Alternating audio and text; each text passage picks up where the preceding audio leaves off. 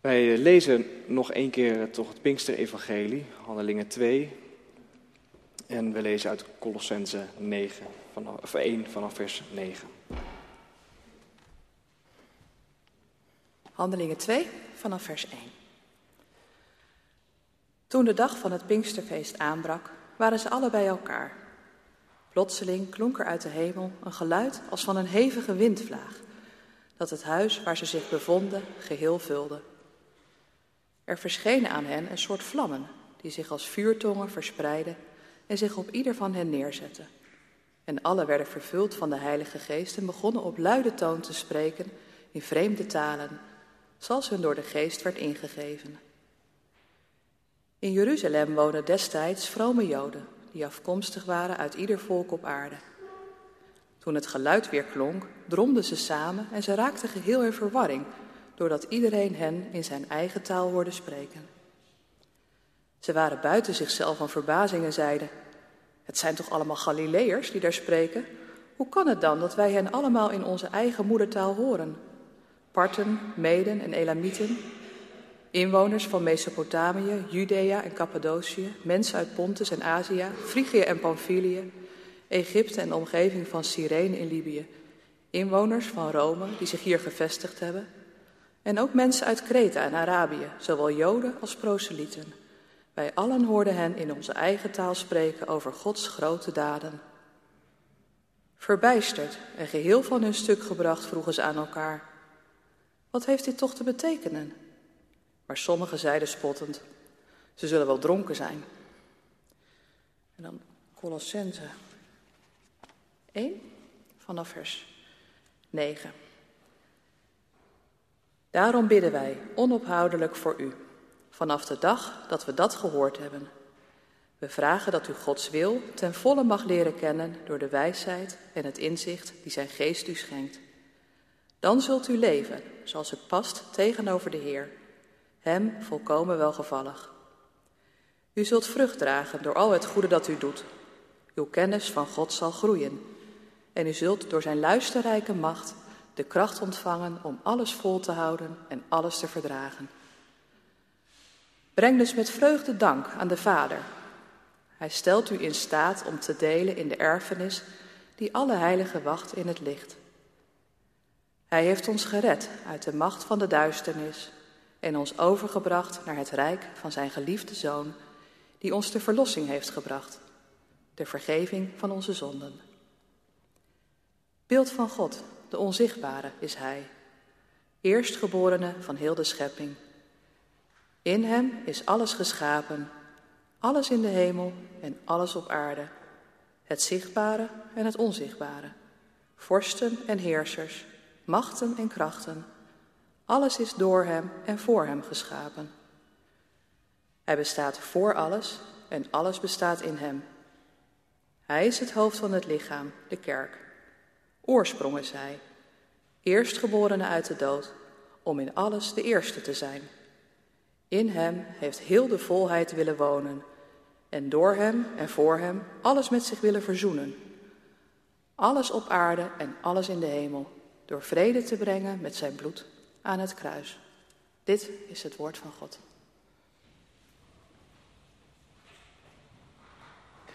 Gemeente van Jezus Christus, broeders en zusters. Als je wilt weten wat in onze tijd belangrijk is, wat de tijdgeest kleurt, om zo te zeggen, dan kun je bijvoorbeeld eens een tijdje naar reclames kijken. De manier waarop grote bedrijven zichzelf presenteren in reclames, dat zegt heel veel over onze kijk op de wereld. Dus dat heb ik afgelopen week maar een tijdje gedaan. Shell, Nike, Coca-Cola, McDonald's, gewoon wat reclames gekeken van multinationals. En het is opvallend dat zulke commercials vaak op elkaar lijken. Ze bouwen natuurlijk zorgvuldig aan hun imago, willen bekend staan als vooruitstrevende bedrijven die toekomstbestendig zijn, soms ook uh, expliciet groen en duurzaam, maar altijd open-minded, grensverleggend en ook altijd, en daar gaat het me vanmorgen om, brengen ze mensen samen. Ik denk aan de reclame van Shell. Great things happen when we move. Een stoere vent staat met een lege tank langs de kant van de weg op het platteland in India. Er komt een vrachtwagen voorbij gereden die, tot zijn verrassing, wordt bestuurd door een vrouw. Er komt uh, vervolgens een gesprekje op gang en zij besluit hem dan toch maar mee te nemen. En onderweg praten ze wat met elkaar. Vertelt zij dat haar man was overleden en dat zij nu zijn werk doet om rond te komen. Doordat ze op de vrachtwagen rijdt, kunnen haar kinderen naar school. En dan wordt het zo'n heel levenswijs gesprekje. En ze zeggen, je kunt aan het verleden vasthouden, maar je kunt ook vooruitkijken. En zo praten ze wat samen over het leven. Echt zo'n feel-good reclame is dit, waarin mensen onverwacht samenkomen. Grote dingen gebeuren als we in beweging komen. Dat doen bedrijven, grote bedrijven ook graag werken aan een imago van verbinding. Verbondenheid dat verkoopt. Een sterk merk, dat is een merk dat met zelfverzekerde mensen wordt geassocieerd die blij zijn, altijd blije mensen, en ook samen zijn met andere mensen. Verbinding is blijkbaar belangrijk in onze wereld. Lucas doet ook zijn best om de kerk neer te zetten als een verbindende beweging. Hij beschrijft hoe op het Pinksterfeest, Joods oogstfeest, de volgelingen van Jezus eensgezind bij elkaar zijn. Waarschijnlijk in een huis met zo'n 120 volgelingen van Jezus, want dat aantal wordt iets eerder genoemd. En daar gebeurt iets bijzonders. Het zijn om te beginnen gewone mensen, Galileërs, niet echt van die wereldburgers, maar meer locals.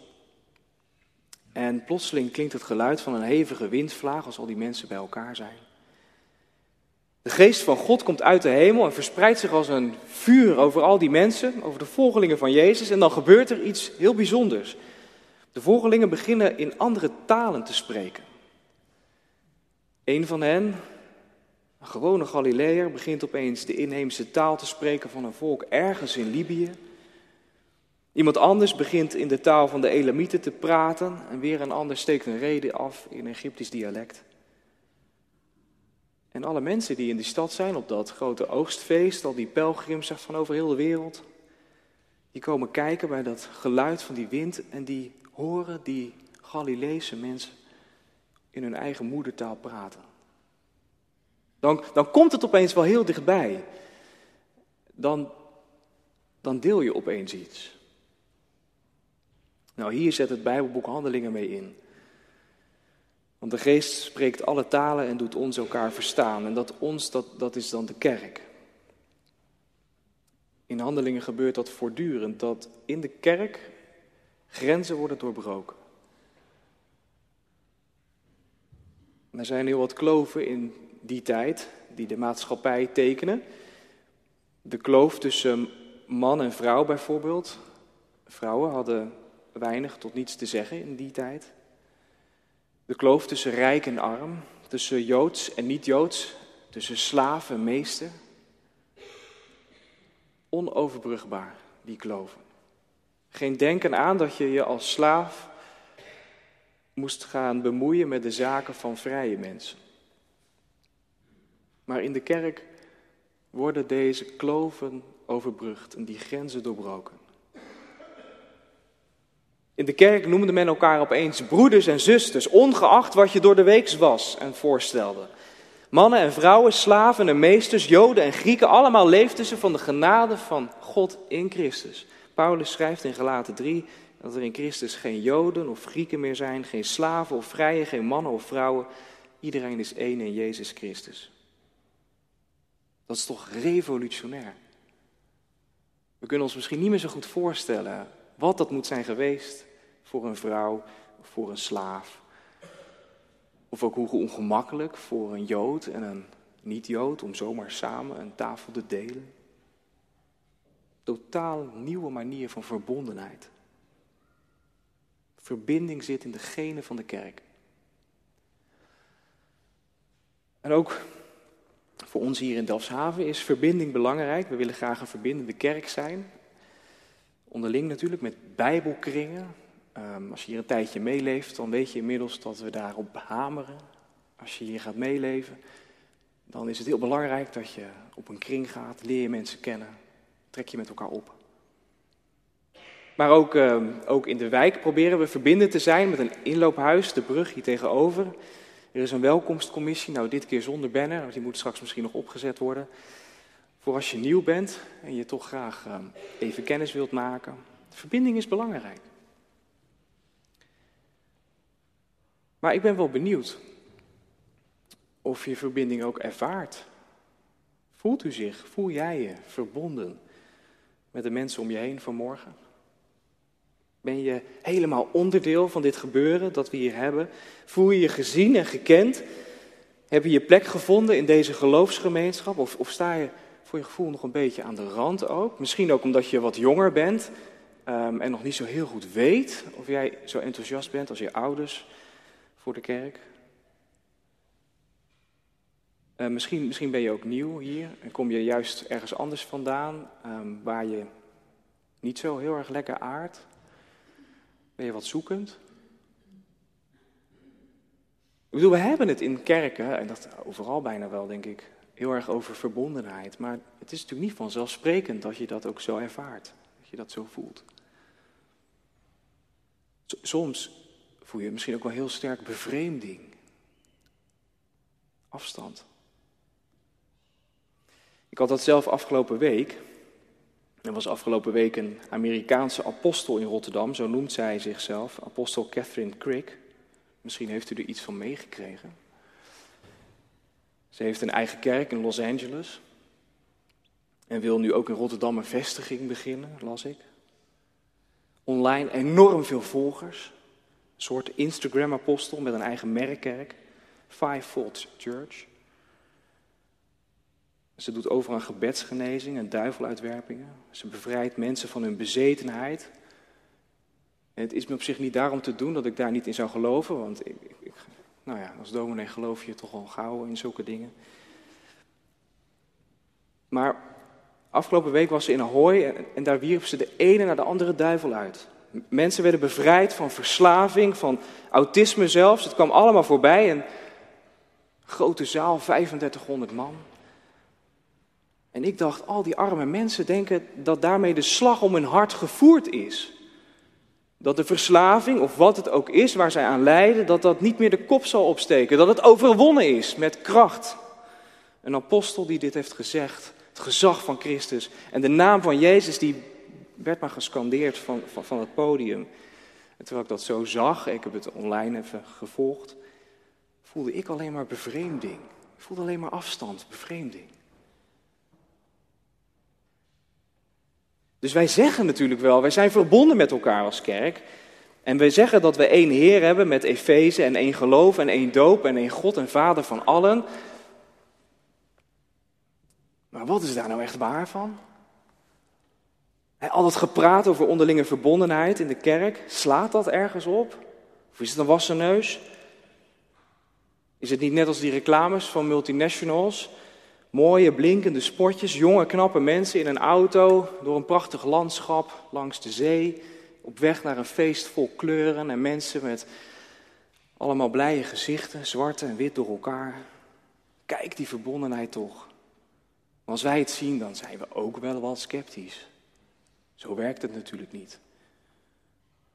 Een automerk geeft ons niet die verbondenheid. En de benzine van Shell ook niet. Een blikje Coca-Cola ook niet. Kijk, als een bedrijf als Shell ons al ergens mee verbindt, dan is het met, uh, met, met een klimaatcrisis misschien. Vorige week nog werd er uh, in Londen een vergadering van aandeelhouders in dat bedrijf verstoord door klimaatactivisten. Was niet echt een verbindend momentje. De beelden van die uh, vergadering zijn natuurlijk niet geschikt voor een nieuwe commercial. Dus dat is natuurlijk wat al die sportjes op tv doen. Hè. Die willen iets, iets verbloemen. Die, uh, die willen iets oppoetsen, het imago een beetje bij, bij, bijpoetsen. Een modern, modern bedrijf ervan maken, zelfbewust, toekomstbestendig, schoon, verbindend dan vooral ook. Ja, we nemen dat wel voor lief, denk ik, hè, zulke beelden. Maar we voelen ook aan dat het natuurlijk ja, nergens over gaat, dat het onzin is. Ja, iets oppoetsen, dat is iets dus mooier maken dan het is. gebakken lucht verkopen. En de hoop dat je daar iemand mee overtuigt.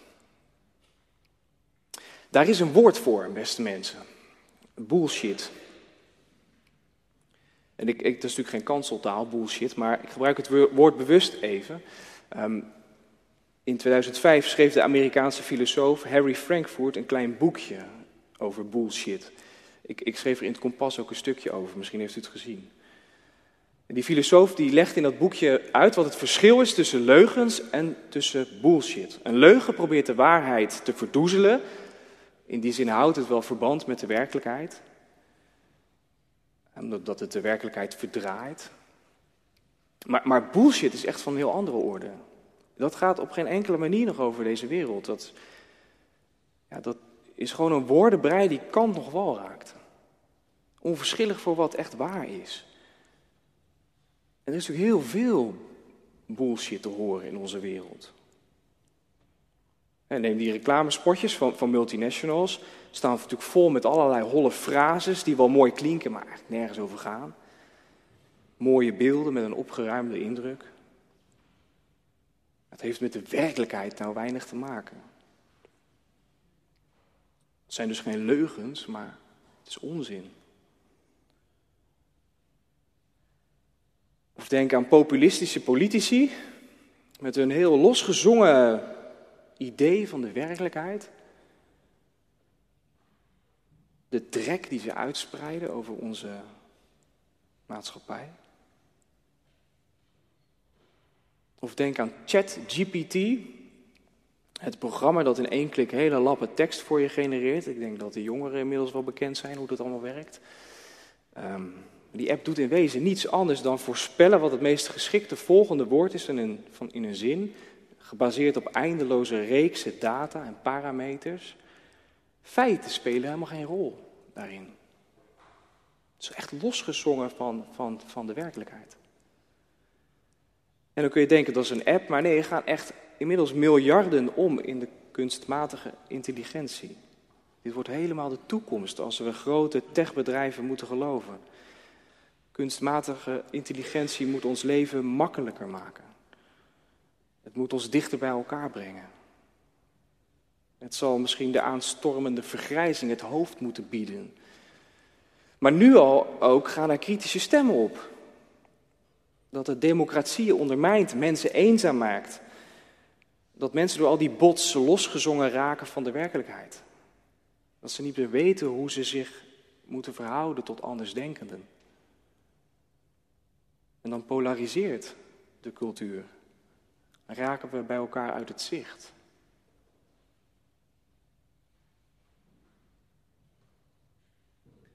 Nou, ik, ik wijd natuurlijk best wel uit even.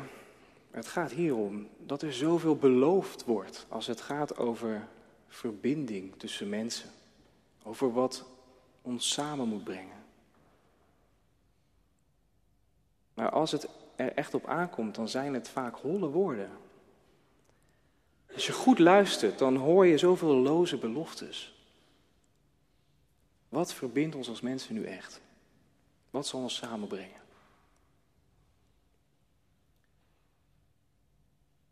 Nou, Lucas trekt ons met handelingen eigenlijk al de ruimte van de kerk binnen. Verbinding gebeurt hier, zegt hij. Maar hoe dan? In Colossense 1 hebben we dat natuurlijk ook gelezen. Daar lezen we oude woorden van de apostel Paulus. En als we die goed lezen, dan kunnen we begrijpen hoe dat nauwkeuriger in zijn werk gaat. Hoe die verbinding tot stand komt. En dat wil ik eigenlijk maar doen, zo aan het tweede helft van deze preek. Om eens nauwkeuriger te kijken wat Paulus nou precies schrijft. En dan wil ik even in vers 9 beginnen. Misschien kun je het even bijpakken op je telefoon of op je Bijbel als je die bij hebt. Dus Colossense 1, vers 9. Zo halverwege dat vers schrijft Paulus: Wij vragen dat u Gods wil ten volle mag leren kennen door de wijsheid en het inzicht die zijn geest u schenkt. Paulus schrijft dus over Gods wil. Het gaat hier dus over Gods plannen voor de wereld en Gods plannen voor ook de gemeente, voor de kerk. En Paulus bidt dat de kerk in Colosse de wil van God leert kennen door de wijsheid en het inzicht die de geest schenkt. Dus de geest geeft wijsheid en inzicht in de wil van God. En wat is die wil van God dan precies? Wat houdt die wil van God dan precies in? Nou, daarover gaat het vanaf vers 15. Daar begint Paulus eigenlijk een lied te zingen. Daar bezingt hij Jezus Christus. En in dat lied wordt duidelijk wat die wil van God inhoudt. Kunt het ook wel opmaken. Paulus schrijft wel vaker over de wil van God. Maar hier in dit lied kunnen we het ook zien. Ik lees het maar eens voor. Beeld van God, de onzichtbare, is Hij. Eerstgeborene van heel de schepping. Gaat dus over Jezus. In Hem is alles geschapen, alles in de hemel en alles op aarde. Het zichtbare en het onzichtbare, vorsten en heersen, heersers, machten en krachten, alles is door Hem en voor Hem geschapen. Hij bestaat voor alles en alles bestaat in Hem. Hij is het hoofd van het lichaam, de kerk. Oorsprong is Hij, eerst geboren uit de dood om in alles de eerste te zijn. In Hem heeft heel de volheid willen wonen. En door Hem en voor Hem alles met zich willen verzoenen. Alles op aarde en alles in de hemel. Door vrede te brengen met zijn bloed aan het kruis. Dit is het inzicht in de wil van God. Dat God alle verdeeldheid op aarde overwint en alles in Christus zal samenbrengen. In Hem zal alle verdeeldheid op aarde verzoend worden. Alles wat op aarde is en in de hemel, machten en krachten, vorsten, heersers. Alles wat je kunt zien en wat onzichtbaar is. Dat alles zal samenkomen in Jezus onze Heer. En het is de geest die het inzicht geeft in die wil van God de Vader. Dus bedenk even wel, dat is belangrijk, de geest geeft niet een gevoel van verbondenheid, maar de geest geeft inzicht in de wil van God om alles samen te brengen. Dus wij geloven niet in de eenheid van de kerk, omdat we die voelen per se. Prettig zijn. Maar we geloven in de eenheid van de kerk en in de absolute macht van Christus, die alles in deze wereld tot eenheid zal brengen. Omdat we samen beleiden dat Christus koning van deze hele wereld is. Oorsprong is Hij, eerstgeborene van heel de schepping. Dus het is een inzicht, daar begint het mee. Het is wijsheid die de geest geeft. Kijk, als we dat begrijpen, dat de geest ons dat inzicht geeft, en als je dat inzicht dan eenmaal deelt, dat God alles zal samenbrengen in Christus. Dan erken je het koningschap van Christus door ook daadwerkelijk verbonden te zijn met anderen, met elkaar. Je erkent dat inzicht door zo te leven in verbondenheid. Ook als je dat tegen de haren instrijkt. Ik denk, verbondenheid is niet een geschenk allereerst, maar allereerst een roeping. Er wordt van ons gevraagd om die verbinding aan te gaan met elkaar. En dat is ook een beetje het probleem wat ik heb met Catherine Crick. En ze heeft heel veel met de geest de zalving van de geest en de kracht van de geest. Maar met de zoon heeft ze minder. Ik weet wel dat het een hard ding is om dat te zeggen. Maar ze geeft er in ieder geval geen blijk van dat ze begrijpt dat alles van deze wereld zal samenkomen in Christus. En dat de kerk, het lichaam van Christus, de plek is waar dat nu al allereerst gebeurt.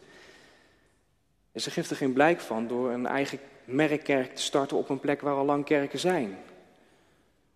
Maar daar heeft ze blijkbaar geen boodschap aan. En ze geneest en bevrijdt mensen in de naam van Jezus, maar is er verbonden met hen? Weet zij wat er in die mensen omgaat? Kent ze hen?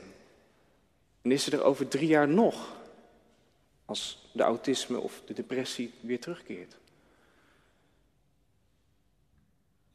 Snapt u wat ik bedoel?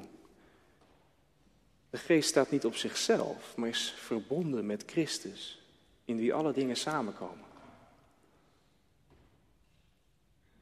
Dus als er hier daadwerkelijk een vestiging wil uh, starten, dan zou het misschien goed zijn als de Rotterdamse kerken, Skin bijvoorbeeld, is het gesprek met haar aangaan. Maar goed, we moeten het vanmorgen niet hebben over, over die apostel uit Amerika. Dit gaat vanmorgen over ons. Over u, jou en mij. En ik wil je vanmorgen vragen, geloof je dat in Christus alles zal samenkomen? Dat Hij de absolute koning is van deze schepping, deze wereld. Als je dat gelooft, doe dan ook recht aan dat inzicht. Door ook verbonden te zijn. Door boodschap te hebben aan de mensen om je heen. Ook de mensen waar je minder voor voelt. Het gaat niet vanzelf, dat is vaak ook wel hard werken. Inschikkelijk zijn. Elkaars eigenaardigheden voor lief nemen. Maar we hebben een breed dak, zeggen we hier vaak. We geloven dat als al die dingen samenkomen in Christus, dat wij nu vast ook maar beter onze levens op elkaar kunnen toeleggen. En ik zou dat ook gewoon heel concreet willen maken. Door, als het even kan, hier aanwezig te zijn. We zien je graag. Je gaat ons aan ons hart. Als je hier nieuw bent, ben van harte welkom. Wandel met ons mee. Zeker ook volgende week. Maak het concreet. Vier het dan het avondmaal. Dan zien we het heel zichtbaar, de eenheid van Christus. Het is ook iets beleiden. Wij zijn één. We leven samen van brood en wijn.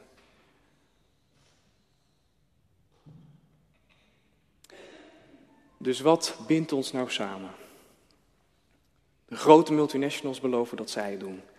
Met hun olie, hun fastfood, hun cola. Maar dat is onzin. Maar de oudste multinational, wordt wel eens gezegd, is de kerk. Een internationaal bedrijf met Christus als enige aandeelhouder. Die heeft het voor het zeggen. En in elk land heeft dat bedrijf filialen. Zelfs in landen waar Shell niet komt. En ook in landen waar de kerk verboden is. En ook hier in Delfshaven heeft deze multinational van Christus een vestiging. En vandaag op zondag Trinitatis zegt die wereldwijde kerk, zegt ze nadrukkelijk, dat ze gelooft in God de Vader en God de Zoon en God de Heilige Geest. Daarom in één zin. Het is de wil van God de Vader dat in de Zoon alles samenkomt. En het is de Geest die ons dat inzicht schenkt. Amen.